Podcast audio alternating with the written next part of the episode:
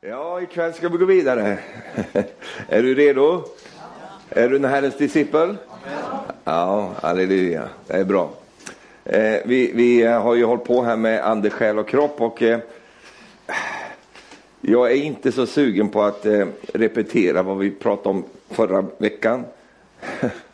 Därför att jag har så väldigt mycket här idag som jag inte kommer att bli klar med, men, men det, det, det är väl sånt. Men det är så mycket om det här med själen. Va? Och eh, att, eh, orsaken till att jag tog köttet förra tisdagen, det är ju att det är en skillnad på kött och själ. Det är många kristna som aldrig har fattat det. Eh, och därför så är de förvirrade, för de vet inte vad det är de strider emot. Eh, men själen är inte ditt kött. Eh, men köttet kan bruka själen. Och det ska vi se lite grann på här idag. Men eh, det, det, finns så väldigt mycket att prata om när vi pratar om själen. Men tack och lov att du är mer än en själ. Du är en ande också. Amen. Amen. Och, och, så den här tisdagen så tar vi det här med själen och nästa tisdag ska jag gå in på kroppen. Vad den är för, vad, ja, det vet du kanske vad den är för någonting. men, men, vi ska tala om den utifrån Guds ords perspektiv. Vad Guds ord säger om kroppen och eh, hur vi kan förhålla oss till det. För allting hör samman. Som, som Arne citerade här i Jakobs brev, att eh, utan eh, anden så är kroppen död. Va? Eh, det enda som kan leva utan, eh, eh utan kropp och själ, det är anden. Anden är ju evig, va? så den, den, den klarar sig. Men, men kroppen den är helt avhängig av att det finns en ande och att det finns en själ där. Eh, så, eh, ja. Men kroppen är eh, inte desto mindre viktig. Den är oändligt viktig och du vet ju att den också både är välsigna, välsignar dig men också begränsar dig. Eh, genom att den är lagd under förgängelsen, och, vilket gör att eh, du, du, får ju det här motlutet med åldrandet och allt det där. Och det här ska vi hålla på nästa gång, så det vill jag inte gå in på nu. Och sen i, innan vi, vi ja, det sista avsnitt, avsnittet i den här tv-serien, det sista avsnittet ska vi tala om livet i den heliga ande, i din ande. Eh, och hur vi kan vara ledda av anden och vi kan leva ett andligt liv och allt det där. Det vill jag ha sist för att det tycker jag är bäst. Men det här är också viktigt. Eh, och det, jag får många tillbakameldingar på, på Facebook och sånt från, från er och jag är glad för det. Eh, uppmuntrande ord. Och, och många beskriver det så att jag har inte hört sån här undervisning. Va? Jag, har inte, liksom, jag, jag, jag, har inte, jag har inte fått tag på det här. Och de har varit kristen länge. Eh, och det är ju just därför att det, här är, det finns en fattigdom när det gäller sådana här saker. Man talar inte om det eh, och därför bringas ingen förståelse. Eh, och, och, Gud har ju, vet du, Gud är ryddig han vet du. Säg tack och lov. När du kommer upp till himlen en gång så kommer du till en himmel som är rydda och städa och fint. Det, det är inte någon röra där uppe. Nej, jag pratade inte om ditt garage. men, men, du vet, Gud han har ordning på torpet. Eh, och det är därför som, som, han också vill att vi ska få en, en ordning. Ett annat ord för ordning är ju harmoni. Att det blir harmoniskt i mitt liv. Och, och blir det konflikt mellan själ, kropp och ande i mitt liv, då blir det oharmoniskt. Och det är det här som är själva poängen med den här undervisningen, att det ska, att det ska bli en, en harmoni och att det ska bli en eh, välsignelse i alla de här tre delarna. Men nåväl, vi höll på med köttet förra eh, gången och eh, då förstod vi att eh, köttet ligger i strid både mot själ och ande i ditt liv och köttet vägrar att underordna sig Gud och, vi, och en konstant motarbetare till allt som Gud vill. Och eh, när vi nu kommer in på själens område idag så Eh, kommer vi se varför det är så viktigt att anden får ta, ta förarplatsen i ditt liv. Därför att själen maktar inte att stå emot köttet. Och det kommer vi titta på här.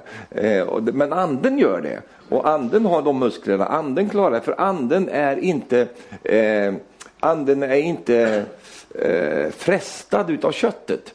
För anden har inga sådana, därför att det, är inte världens ande vi har fått, utan Guds ande. Och, och, anden drar sig mot Gud. Men det gör inte alltid själen. Därför att själen har följt med dig hela ditt liv. Och själen är också påverkad av väldigt många saker eh, som Herren vill ta, hjälpa oss med. Så nåväl, eh, första gången vi, vi, vi, vi började prata om det här för två gånger sedan så tog jag upp det här lite grann om själen, vad det är för någonting. Själen består ju av två saker, det är tanke och det är eh, känslor. Alltså tanke, känsla, förnuft kan man säga. Eh, och, och det, det är vad själen innehåller. Det grekiska ordet är psyché och, och, det betyder just det, det, här. Det betyder både tankar och sinnet men också känslolivet. De två hör, sakerna hör samman och de, det är nästan eh, ibland omöjligt att, att, att sära på dem. För tanken föder alltid en känsla. Du känner vad du tänker och eh, därför så eh, ligger det i själens uppsättning eller konstitution kan vi säga. Eh, sinnet är vår förmåga att tänka, resonera, föreställa oss, förstå, sätta saker i sammanhang, lagra minnen och eh, allt det där så småningom påverkar ju oss då. Och känslorna, det är själens förmåga att förstärka tanken till en upplevd känsla som skapas av de här intrycken som själen matas med. Eh, Eh, som sorg, glädje, empati, ilska, fruktan, eh, sådana saker. Det där ligger i själen. Och eh, då, då, då, vill jag starta upp här idag genom att börja med att säga det här. Nu känner jag att jag, jag skyndar på så mycket. Jag ska lugna ner dig Stefan. Det här blir bra. Du behöver inte stressa här nu. Tack för det. Din själ blev inte född på nytt. Därför måste den förnyas. Och, och det är viktigt att ha det perspektivet. Eh, när du blev född på nytt så, så du märkte ganska snart att det, det var något som följde med som inte blev det.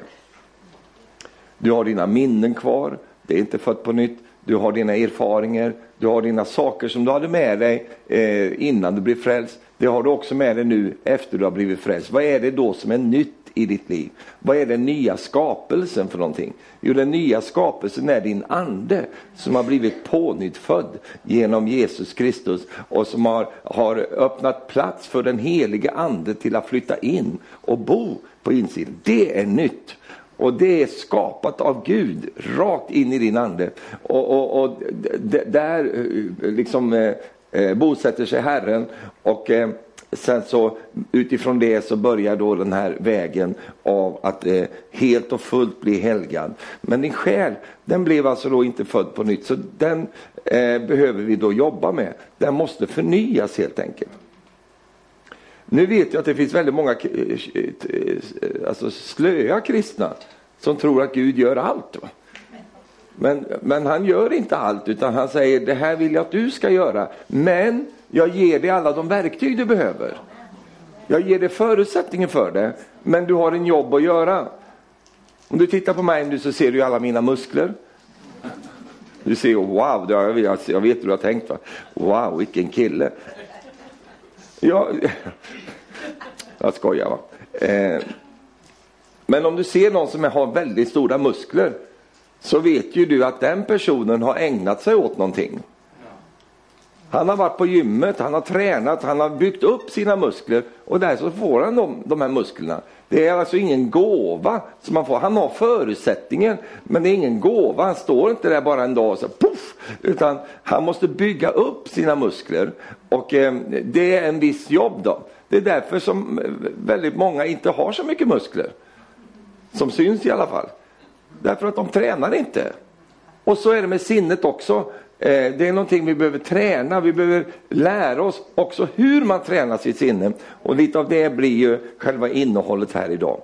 Men i Filipperbrevet kapitel 2 så, så talar ju Paulus här. Han säger så här i vers 12. Därför mina älskade, liksom ni alltid har varit lydiga, så arbeta med fruktan och bävan på er frälsning. Inte bara som när jag var hos er, utan ännu mycket mer nu när jag inte är hos er. Och här, här, här, här har vi ett begrepp här, arbeta på sin frälsning. Och då måste vi förstå vad det betyder. Det betyder ju inte eh, att du behöver eh, liksom, eh, försöka födas på nytt varje dag. Utan det är ju redan klart. Va? Du har ju blivit född på nytt. Vad är, vilket, vilket del av oss måste vi arbeta på? Ja, det är själens frälsning som vi måste arbeta på. Och den själens frälsning, eh, där ligger själva jobbet då. Och, och bara för att då eh, försöka eh, dela upp det här lite grann då, så kan man väl säga så här att själen är van att leda dig innan du blev frälst. Va? Den är van att sitta i ledarskap. Den är van att sköta butiken. Därför så är det så att när, när vi, innan vi blir födda på nytt och även efter, om vi inte har liksom eh, gjort den här eh, maktförskjutningen eller flyttat på ledarskapet, ändrat på det, ja men då fortsätter den i gammal god takt. Då. Och så gör han det som han alltid har gjort. Han, han tar, tar besluten, eh, och jag säger han för jag är ju en han. Va? Du har väl en kvinnlig själ du om du är kvinna. Men, men, men, eh, och, och liksom gör de här sakerna och led, led, leds av detta. Eh, och, och så på bekostnad av de, den, den heliga ande i din ande. Eh, och därför måste då själen flytta på sig. Eh, så att den kommer rätt. Annars så blir det hela tiden konflikter. Eh, och det där är ju så eh, härligt därför att det är möjligt. Det är möjligt att leva ett andligt liv och inte ett själiskt liv. Och vi tittar på det, vi ska se det så småningom här också. Så, så därför att den är van då eh, att leva utifrån de förutsättningarna. Vad betyder det då? Jo, det är att man bland annat tror på allt man tänker.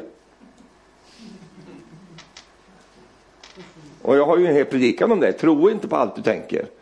Därför att allt jag tänker är inte korrekt. Va? Och sen också att man går på vad man känner. Va? Så jag, jag, känner det här och då måste det ju vara riktigt för att det är ju en känsla jag har. Och den känslan måste väl vara riktig Stefan? Inte alltid. Väldigt ofta så stämmer den inte alls. Va? Men eftersom själen är van att operera på det, för det är ju det som är de instrument som själen har, den är van med det. Och därför när det kommer en ny kung på tronen i ditt liv så kommer ju själen i början att opponera sig och säga hallå där, jag har styrt den här skutan i alla år. Och helt plötsligt så, så, så ska, ska, inte den få göra det. Och då uppstår en viss konflikt där i början. Och det är därför som Paulus säger, du ska med fruktan och bävan arbeta på din frälsning. Varför då? Jo, därför, eh, därför att det, det, det, det, är den dimensionen man måste ha. Annars så tar själen bara fortsatt över och, och gör vad den är van att göra. Eh, Innan var ju detta helt omöjligt eftersom det fanns ju inte en, en andlig dimension som kunde, kunde göra det här. Och då var det ju helt naturligt att det blev så. Men bara för att titta lite grann på, på det här med, med själen då. Att en sak som själen eh, är svag för. Vilken själ pratar du om? Jag pratar om din själ. Jaha, ja och min också. Själen söker nämligen stimulans. Va? Det är det själen, själen behöver stimuleras. Va? Och eh, jag säger det därför att vi har fallit i föga många gånger i kristen verksamhet genom att liksom eh, så, så eh, bekräfta det. Och, och, då ger man stimulans och en själslig stimulans eh, den måste vara härlig och, och, och sån och vi behöver ju det så jag säger inte att vi inte behöver stimulans. Men vi behöver mer än stimulans. Din ande behöver inte stimuleras, för din ande söker Herren. Va? Det är en väldigt stor skillnad på det. Och därför att din själ, och min själ då, när jag säger din själ, då menar jag min också. Alltså jag, inte, jag håller inte på att hacka på den nu. Du kan det. Eh, så din själ söker inte eh, bara Gud. Va? Utan din själ söker allt möjligt som ger stimulans. Va? Och när jag känner mig stimulerad, ja, men då känner jag mig inspirerad. Då känner jag mig liksom, oh underbart, nu är jag stimulerad här. Åh oh, vad härligt. Och det, det är vad själen letar efter. Eh, men din ande, den söker någonting annat. Den söker, eh, eller som Paulus säger i Romarbrevet 7, vers 22. Till min inre människa, säger han, så glädjer jag mig över Guds lag. Men själen och han säger också, men i mina lemmar ser jag en annan lag som ligger i strid med lagen i mitt sinne och som gör mig till fånge under syndens lag i mina lemmar. Och det betyder alltså att eh, din invärtes människa, den gläder sig över Guds lag. Den har sin glädje där. Va? Och det finns inget annat som kan mätta din ande annat än att få ta del av vad som finns i den andliga verkligheten från Herren. Och, och eh, Därför kan du gå på ett möte till exempel, för nu är vi i en möteskontext här. Du kan gå på ett möte där själen bara jublar och din ande bara gråter. Därför att den har inte fått ut någonting. Va? hjälpa lite grann här. För själ, mumsi mumsi. Åh, vad härligt, Oh, det var så bra han pratade och, och vilka fina sånger vi sjöng ikväll och vad härligt det var och underbart det var och det var genom liksom, själiskt alltsammans. Och så din ande har inte fått någonting. Och, och, det är därför som en del människor kan gå hem från ett möte och känna det, vad är det som fattas mig? Va? För allt var ju bra. Va? Jag vet inte om du har lyssnat på sådana fantastiska sångare som sjunger fantastiskt och din ande får inte ut något av det. Därför att det berör inte det, det djupa sätt. Det berör dina sinnen, det berör dina känslor, men det berör inte din ande. Därför att det är inte kopplat med Guds ande. Och sen kan du sitta och lyssna på någon, någon, någon som sjunger lite halvdant. Va? Och det är liksom lite falskstämt, gitarren och allting. Och du bara bryter ihop och möter Gud. Va? Och du undrar, vad är det här för någonting? Jo, det är därför att när, när, när anden har kontakt med Guds ande så blir det ju en andlig mättnad i det hela. Och det är det vänner som vi behöver och det är det, det, är det som vi ska eh, sträcka oss efter. Och vi har ju levt nu i en tid då man har ersatt det andliga innehållet med underhållning. Och så man underhåller de kristna istället. Och det är inte vad du behöver, utan, eller jag heller. Utan vad vi behöver det är att få växa till andligt och få upptäcka, oh vilken dimension jag har på insidan. Jag vill mata min ande och inte bara underhålla själen. Därför att själen är ju van att bli underhållen. Det är därför vi har allt det vi har på tv. Va? Det är ju själslig stimulans. Va? Det finns väl inte ett enda kväll du kan titta på tv utan att det kommer något lekprogram som man ska liksom titta på när man fjantar sig alla de här kändisarna och håller på och larvar sig. Och kunde åtminstone visa någonting man kan använda i garaget hur man sätter ihop en motor eller liksom, som man, man har nytta utav. Men det där att man ska leka och det är, det är tidstecken. Vad står det om när, när, så fort Mose gick därifrån då står det, då stod de upp för att leka står det.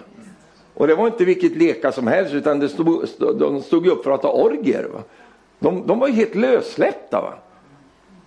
Och så, så tvingade de med sig Aron också. Han orkade inte stå emot det där trycket som var där. Han orkade inte stå emot det för att det, Mose var ju inte där. Och, och, så. och så, så lagar de den här guldkalven och så springer de runt den och så har de ju sexorgier och allt möjligt som kommer loss på grund av den där hållningen. Va? Och det kan man se i vår tid också att det är mycket sådana saker. Eh, och, och, och eh, Gud vill någonting annat. Va? Alltså Gud vill någonting annat. Därför att det är den andliga styrkan, det är den som gör skillnaden både för, för, för, för själen och kroppen. Amen. Kan du säga amen? Jag är inte negativ mot själen här nu. Det är inte, det är inte så att jag är negativ. Den behöver bara komma på, på rätt plats. Eh, och En annan sak också som har med själen att göra, den är sårbar när det gäller köttet. Va? Och nu ägnar jag hela förra gången åt köttet så jag går inte in på det nu. Men vi kan läsa första Peter brev kapitel 2 så står det så här i vers 11. Mina älskade, säger han, jag uppmanar er som främlingar och gäster att hålla er borta från de kötsliga begären som för krig mot själen. Och då förstår vi att det är skillnad på kött och själ här. Och om du skulle läsa det här från grekiskan så, så, så eh, jag måste titta på svenska. Eh, köttsliga ben, det är sarkikos, alltså sarkos det är köttet och så själen, psyché, alltså det är själen, den som ska helgas. Va? Så här ser vi två stycken saker här. Och, och köttet för krig mot själen. Och själen orkar inte att stå emot köttet, det är det som är poängen här. Du har inte i din själ kapacitet att orka stå emot själen, eh, stå emot köttet. Och det har inte din kropp heller. Och det är därför som det måste till en annan styrka för att kunna leva i seger över köttet. Och det är den andliga styrkan. För din ande kan stå emot. Halleluja. Kan du säga halleluja? Jag går vidare lite grann här. I en själisk miljö så är inte tungotal ett tema.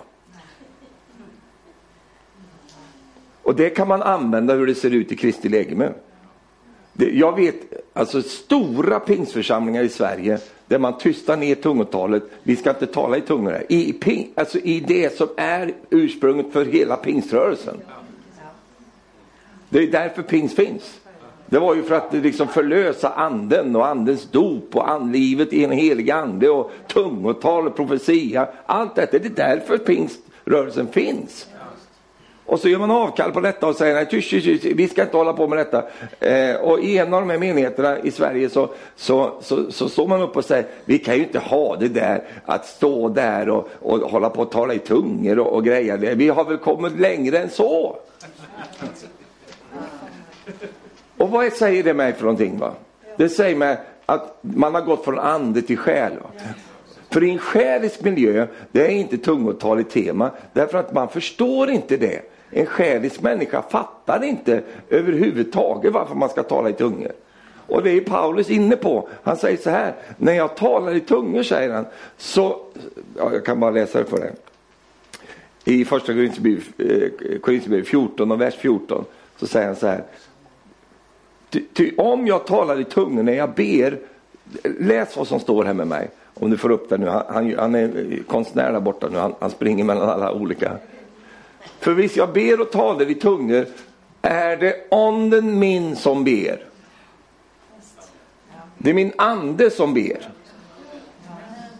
Jag ska läsa det igen. För visst jag ber och talar i tungor är det anden min som ber.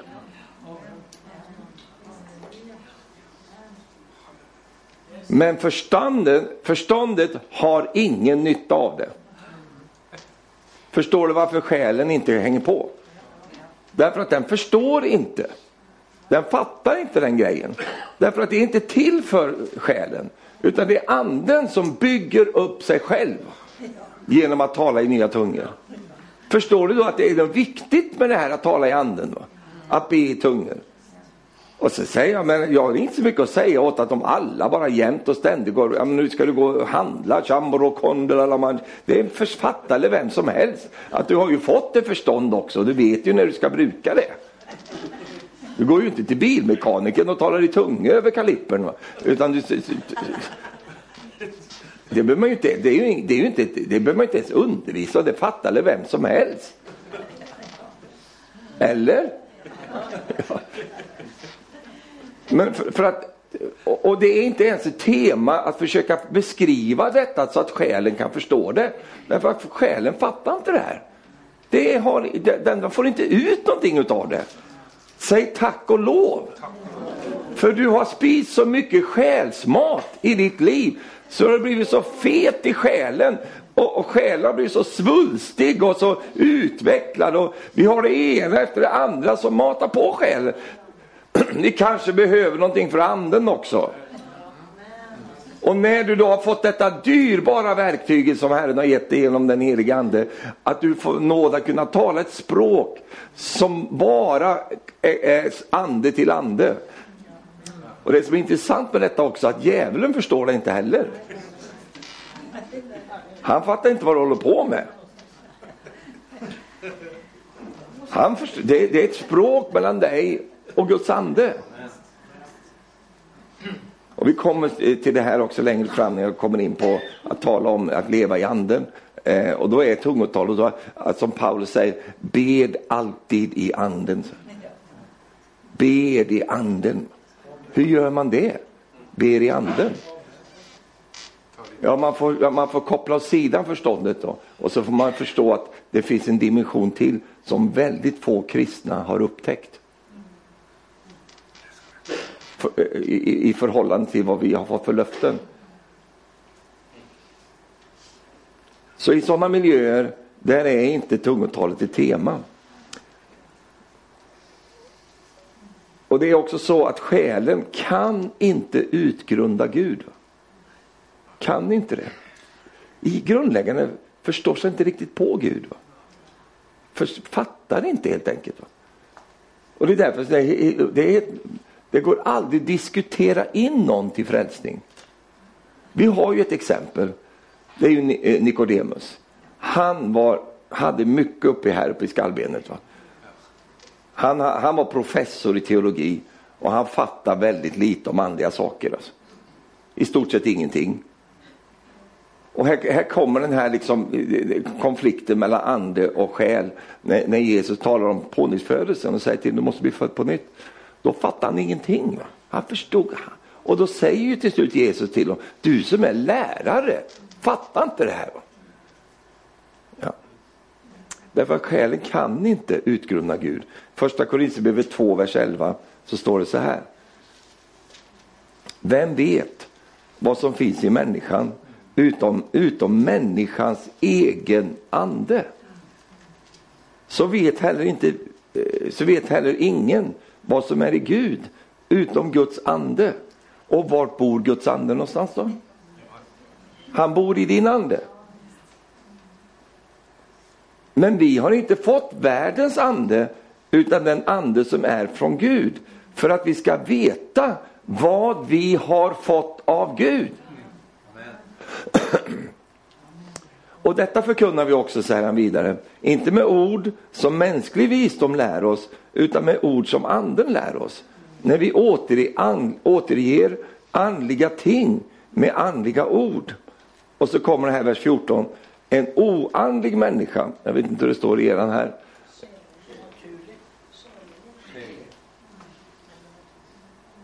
Ja, jag ser inte det.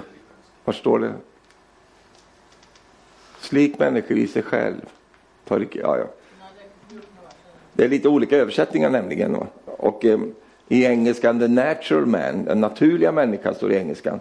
Men jag fick gå till grekiskan för att ta reda på vad det står där egentligen. Oandlig människa. Det, det, om man översätter det ordagrant, så jag fattar inte varför de har sagt så här, men skrivit så här. Den själiska människan. Alltså en själisk människa tar inte emot vad som hör Guds ande till. Det står det. Ja, det är korrekt översatt. Eh, en själisk människa tar inte emot det som tillhör Guds ande. Och ser du vad det står det vidare? Det är en dårskap för henne. Och hon kan inte förstå det. Eftersom det måste bedömas på ett andligt sätt. Den andliga människan däremot bedömer allt. Men själv kan hon inte bedömas av någon. Det här är ganska starka ord alltså. Alltså en själisk människa kan inte utgrunda anden eller andliga ting. Utan för henne blir det en dårskap. Det är därför talet om korset är en dårskap. Det är inte en dårskap för dig och mig, men det är en dårskap för de som går förlorade. Alltså talet om korset, det är en, det är, det är en andlig förkunnelse.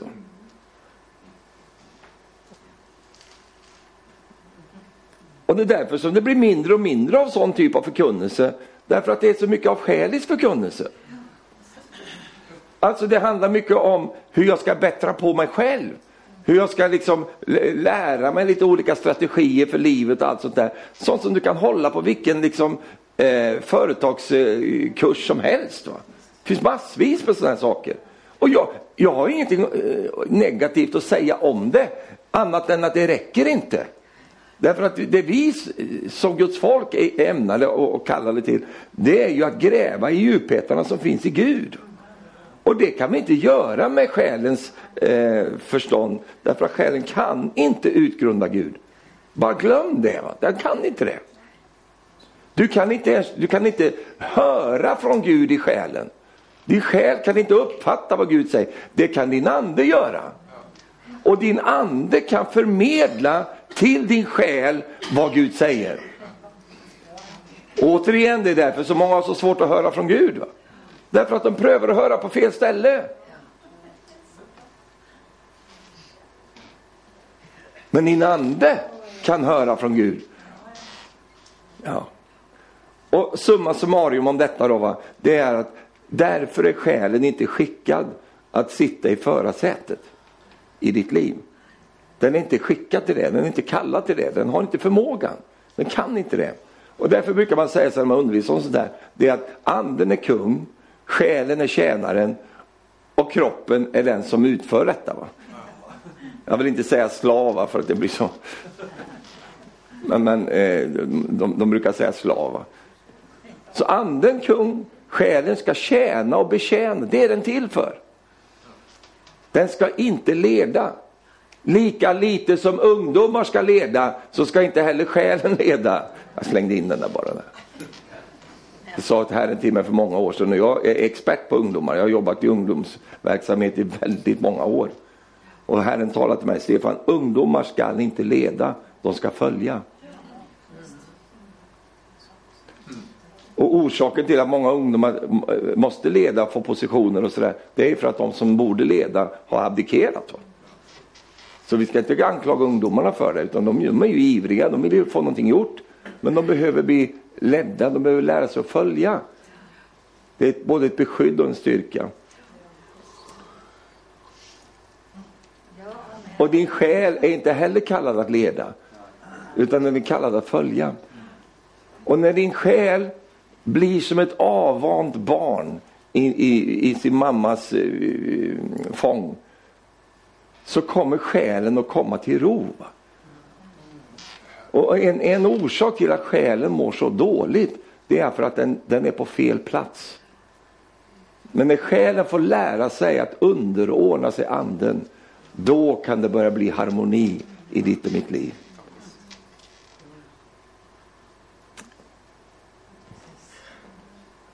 Och därför, kära vänner,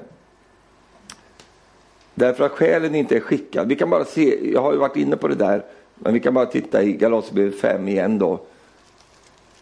Eh, där vi har de här tre aktörerna i vers 16. Vad jag vill säga är detta, säger Paulus här. Vandra i anden så kommer ni inte göra vad köttet begär.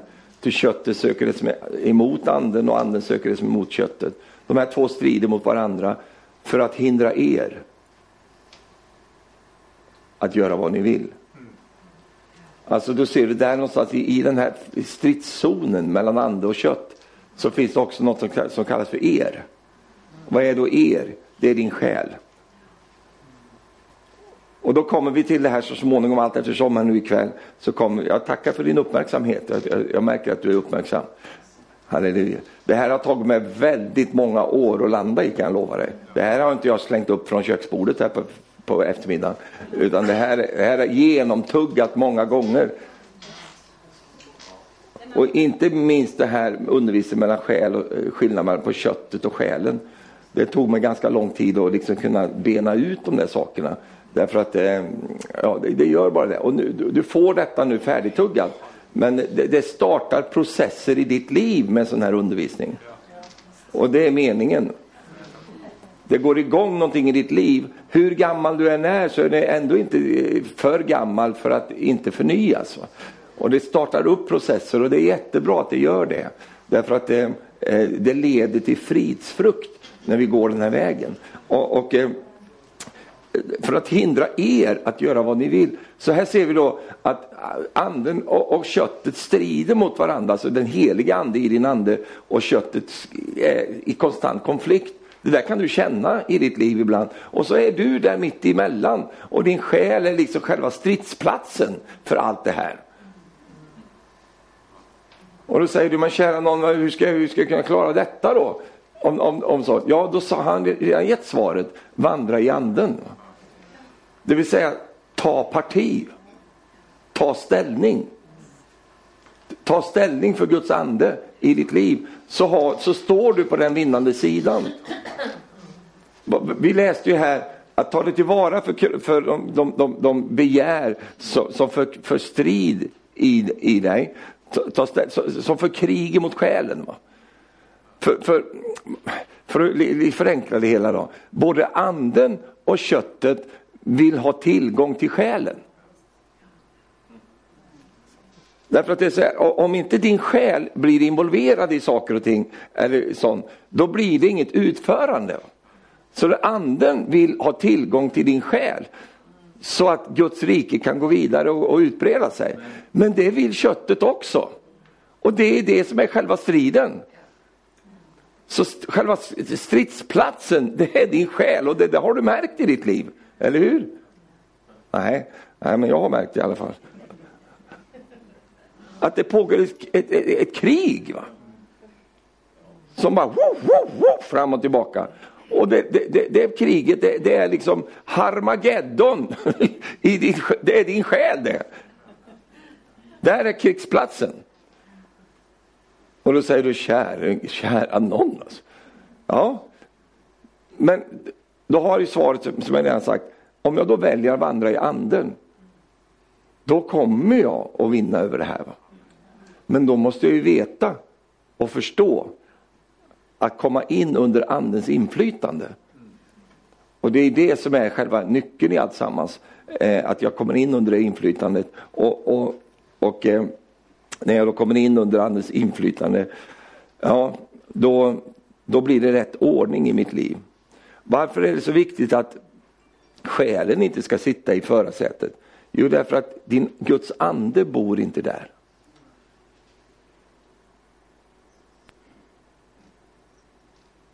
Guds ande bor inte i din själ. Guds ande bor i din ande. Det är, det är en plats som Gud har rest upp.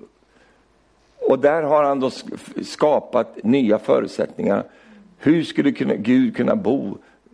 Precis som Jesaja, jag bor bland ett folk som är orent. Va? Din själ är inte bara ren.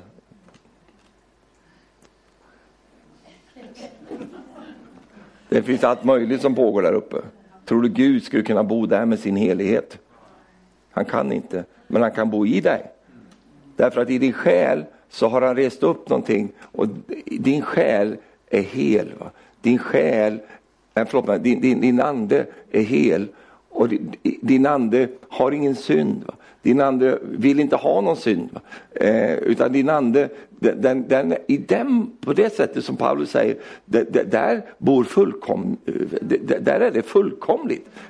Det betyder inte att det inte ska utvecklas, men det är fullkomligt. Det bor, därför kan inte en, en pånyttfödd människa vara demonbesatt. Det går inte, därför att det, det, är omöjligt. Den kan vara plågad av demoner, men det är ju själen. Men den kan inte ha en andemakt i sin ande, för då är man inte pånyttfödd.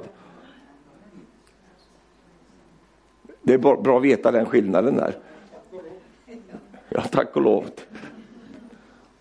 Och det ska du veta att det är på det sättet. Djävulen kommer inte åt din, din ande, vet du. Den gör inte det. Därför att Guds ande bor där.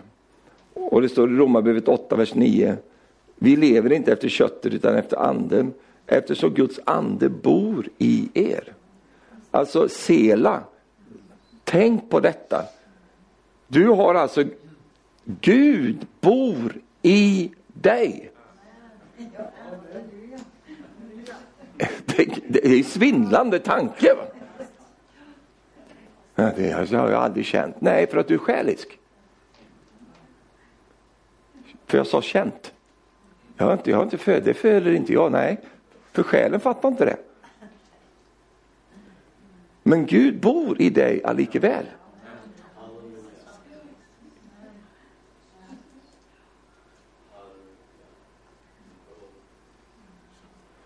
Du kom med Gud hit ikväll.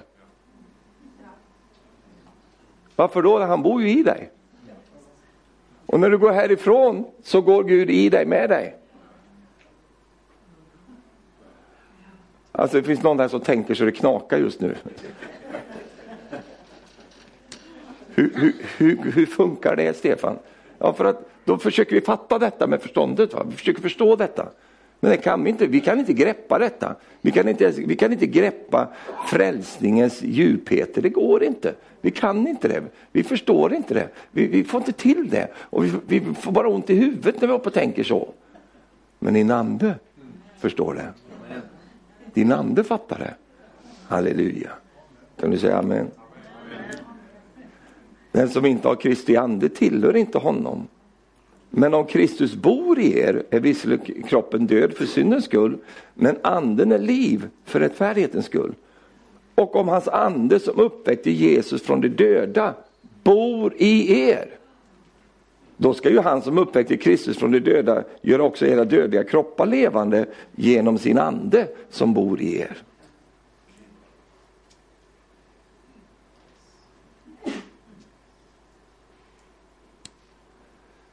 Hur många av er förstår att det gick, en del, gick åt en del kraft för att få upp Jesus ifrån de döda? Samma kraft bor i dig. En ni tänker att Jesus bara sov, han sov inte, han var död. Upptäckt, det står ju här.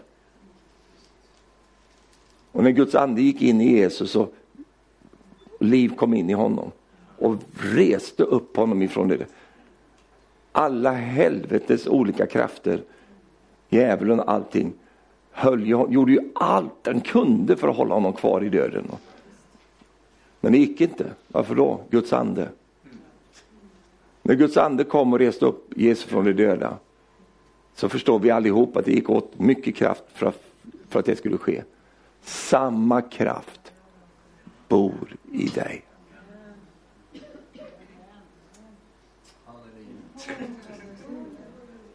Det är ju enormt alltså. Vet du, hur du, vet du hur du mer och mer får ta på detta? Jag kan tala om för dig hur du mer och mer ska komma in i det här och se detta. Jag ska visa dig. Kendi oloria. Ibrashala kendi ololoshi keidi alayan.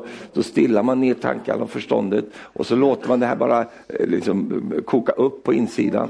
Och helt plötsligt så börjar man mer och mer förstå de här sakerna. Du vet att i den stund du förstår det, alltså andligt sett, i den stunden så blir djävulen inget problem för dig. Alltså. Du har ju han som väckte upp Jesus från de döda i dig. Det, det blir någonting helt annat som kommer där då. Halleluja, kan du säga halleluja? Så det är därför att Guds ande bor i dig. Det är därför, Guds, det är därför din ande ska vara i förarsätet. Va? Ska sitta på tronen i ditt liv. Och därför så måste själen lära sig att underordna sig anden i ditt liv. Den måste träna sig till detta och lära sig att underordna sig. Inte utradera sig, inte heller underkasta sig, utan underordna sig, ordna sig under anden.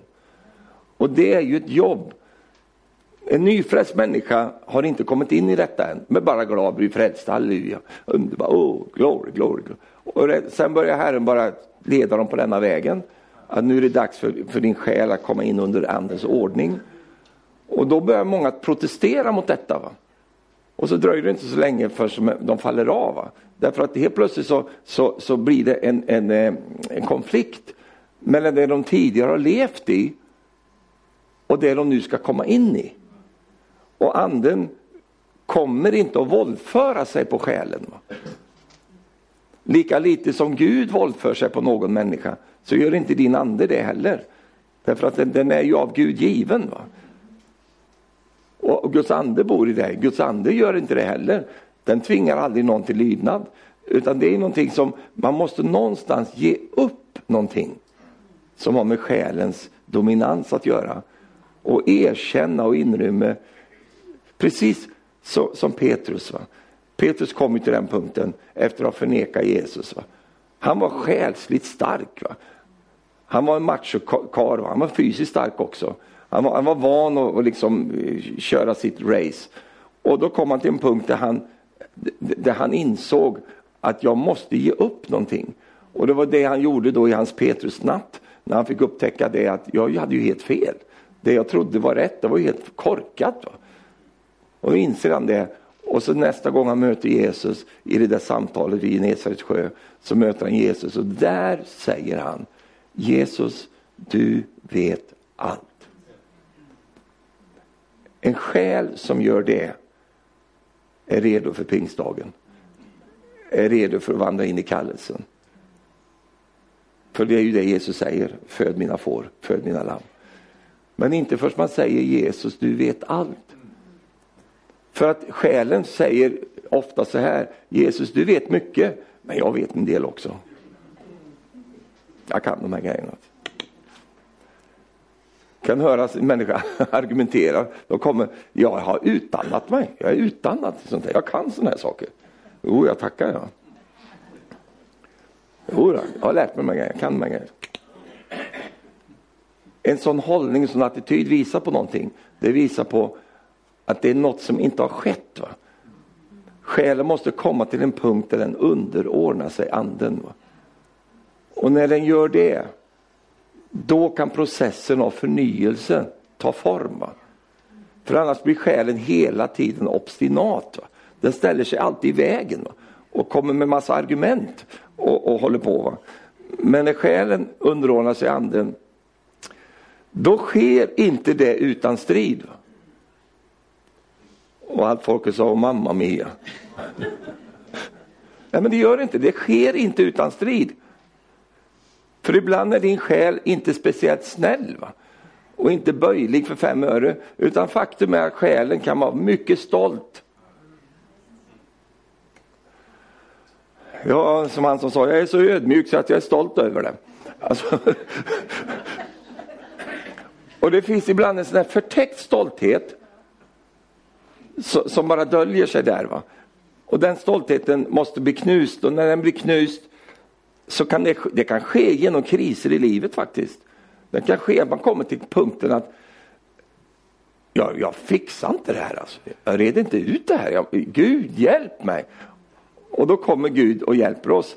Och eh, då, då, då sker ju det aldrig utan strid och det är det som Paulus talar om här i kapitel 10 i andra Korinthierbrevet.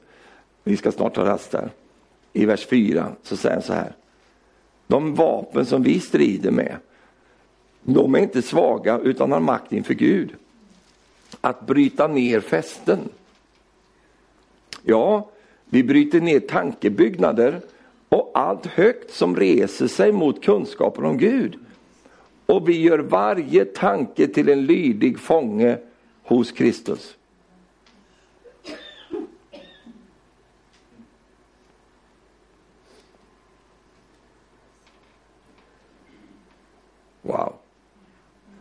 Jag har en grej där som jag ska inte ta den nu för det kan bli problem för någon här. Men jag tar inte det nu. Vi bryter ner tankebyggnader. Jo, jag tar det faktiskt. Jag växte upp i en pacifistisk familj. Pappa var soldat, han låg här uppe i norska gränsen och, och, och stred, så han var, han var inte sån. Men, men på grund av den förkunnelsen som var då, det var alla lägga ner var sina vapen och, och, och de ska inte skjuta någon och, och sådär va. Hade vi haft den hållningen så hade vi pratat tyska här uppe idag. Därför att folk förstår inte att hela den här världen är i en ondesvåld. Och så länge det är på det sättet så behöver man militär. Man behöver faktiskt det. Vi tackar Gud för de soldater som strider nu, egentligen för våran räkning, borta i Ukraina. För att inte det här ska sprida sig över till resten av Europa. Vi är glada för det. Här i Norge, vad hade ni varit någonstans? Om inte det har funnits de som var villiga att gå till och med i döden och till och med döda andra.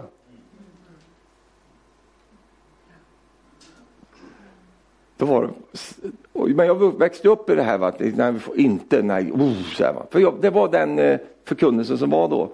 Men min, framförallt mina bröder som växte, pappa var aldrig sån. För han hade ju sett det här på riktigt. Va? Jag tackar Gud för att han ändå var eh, så. Men, men de, and, de andra där vuxit upp i det här. Då satt vi på en lektion på bibelskolan. Så var det en amerikan där. Han är, han är alltså eh, Jim Caseman heter han. Och han var ju alltså soldat va, egentligen. Men han var predikant. Så talade han om det här, lite, lite enkelt så här bara. Och du vet när vi hörde detta, va? det bara reste sig upp så här. Och jag hade massa argument. va.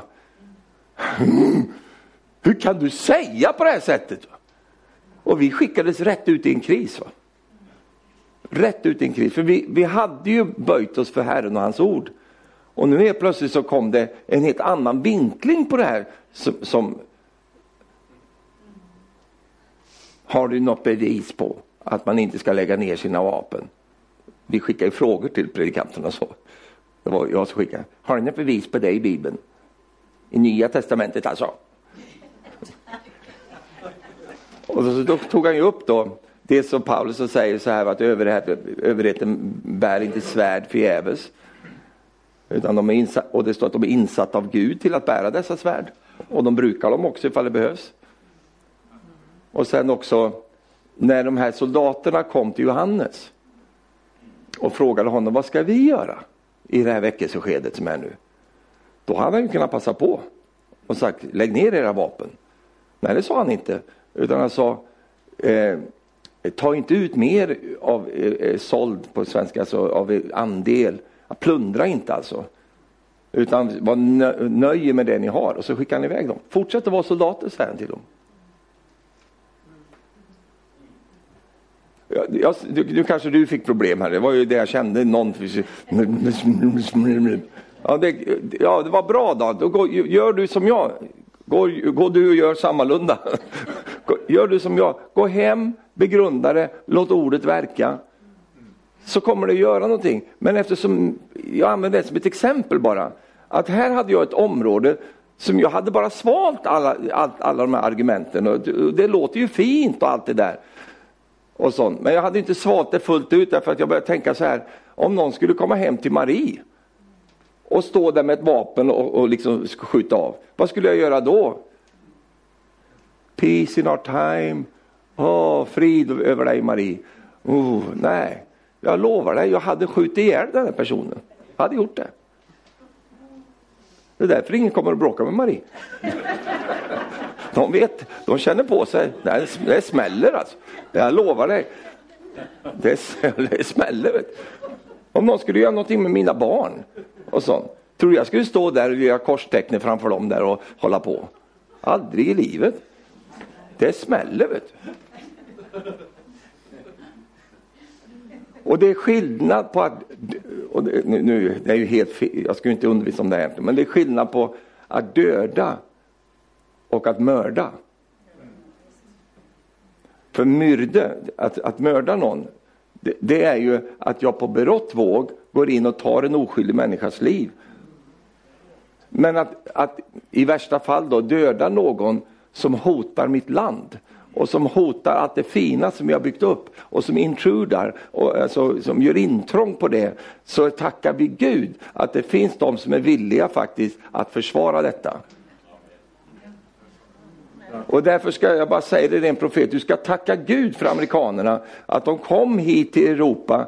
De här unga pojkarna som åkte hem från mamman, de hade ju vuxit upp på gårdarna där, och så kom de och så gav de sin liv, sina liv, tiotusentals, hundratusentals unga pojkar som aldrig kom hem. De gav sina liv för att rädda Europa. Bland annat Norge och Sverige. Vi ska tacka Gud för Amerika. Nu är inte allt, allt är inte bra där borta, det kan jag lova dig. Men allt är bra i Sverige så du kan komma, nej, nej. Det, det vet du sånt. Men det ska det vara nödvändigt, vi, vi, åh, vi, vi ska väl stå där i fred. Ja men det blir ingen fred så länge den onde verkar på den här jorden. Och det enda som stoppar honom, det är att vi gör motstånd mot honom eftersom det är på det här sättet som det är. Jesus sa inte en enda gång att vi, att vi, att vi skulle bli pacifister. Han sa ju till och med till Petrus, ta med dig svärdet nu, vi behöver det.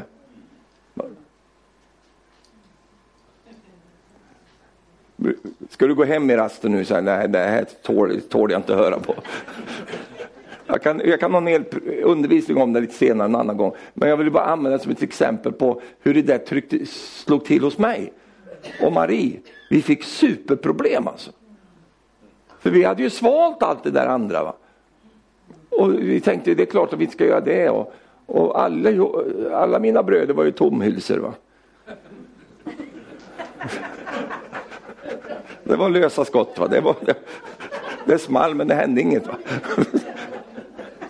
Allihopa mina bröder var ju sådana. Va? Man vill bli lärda i detta så fanns det en klausul, en samvetsklausul eh, i Sverige, det finns fortsatt, att om man på grund av sitt samvete och inte klarar av detta. Och det, det, kan ju vara så. Men man behöver inte, då kan man, och då kan man göra militären i alla fall och hjälpa till med, eh, med som de gjorde med telestolpar och sådana grejer. De gjorde, så, så de, de, gjorde det ju i alla fall fast de, de bar inte vapen. Så då blev de avhängiga av de som bar vapen. De ska stå där och meka med de där grejerna, alltså, slippa det där. Men så står någon annan där som kanske måste döda någon. Va? Då ska den stackaren leva med det hela livet. Va? För det, det sitter en, en, en tomhylsa uppe i telefonstolpen. det blir ju, argumentet håller ju inte hela vägen. Det är det jag vill säga.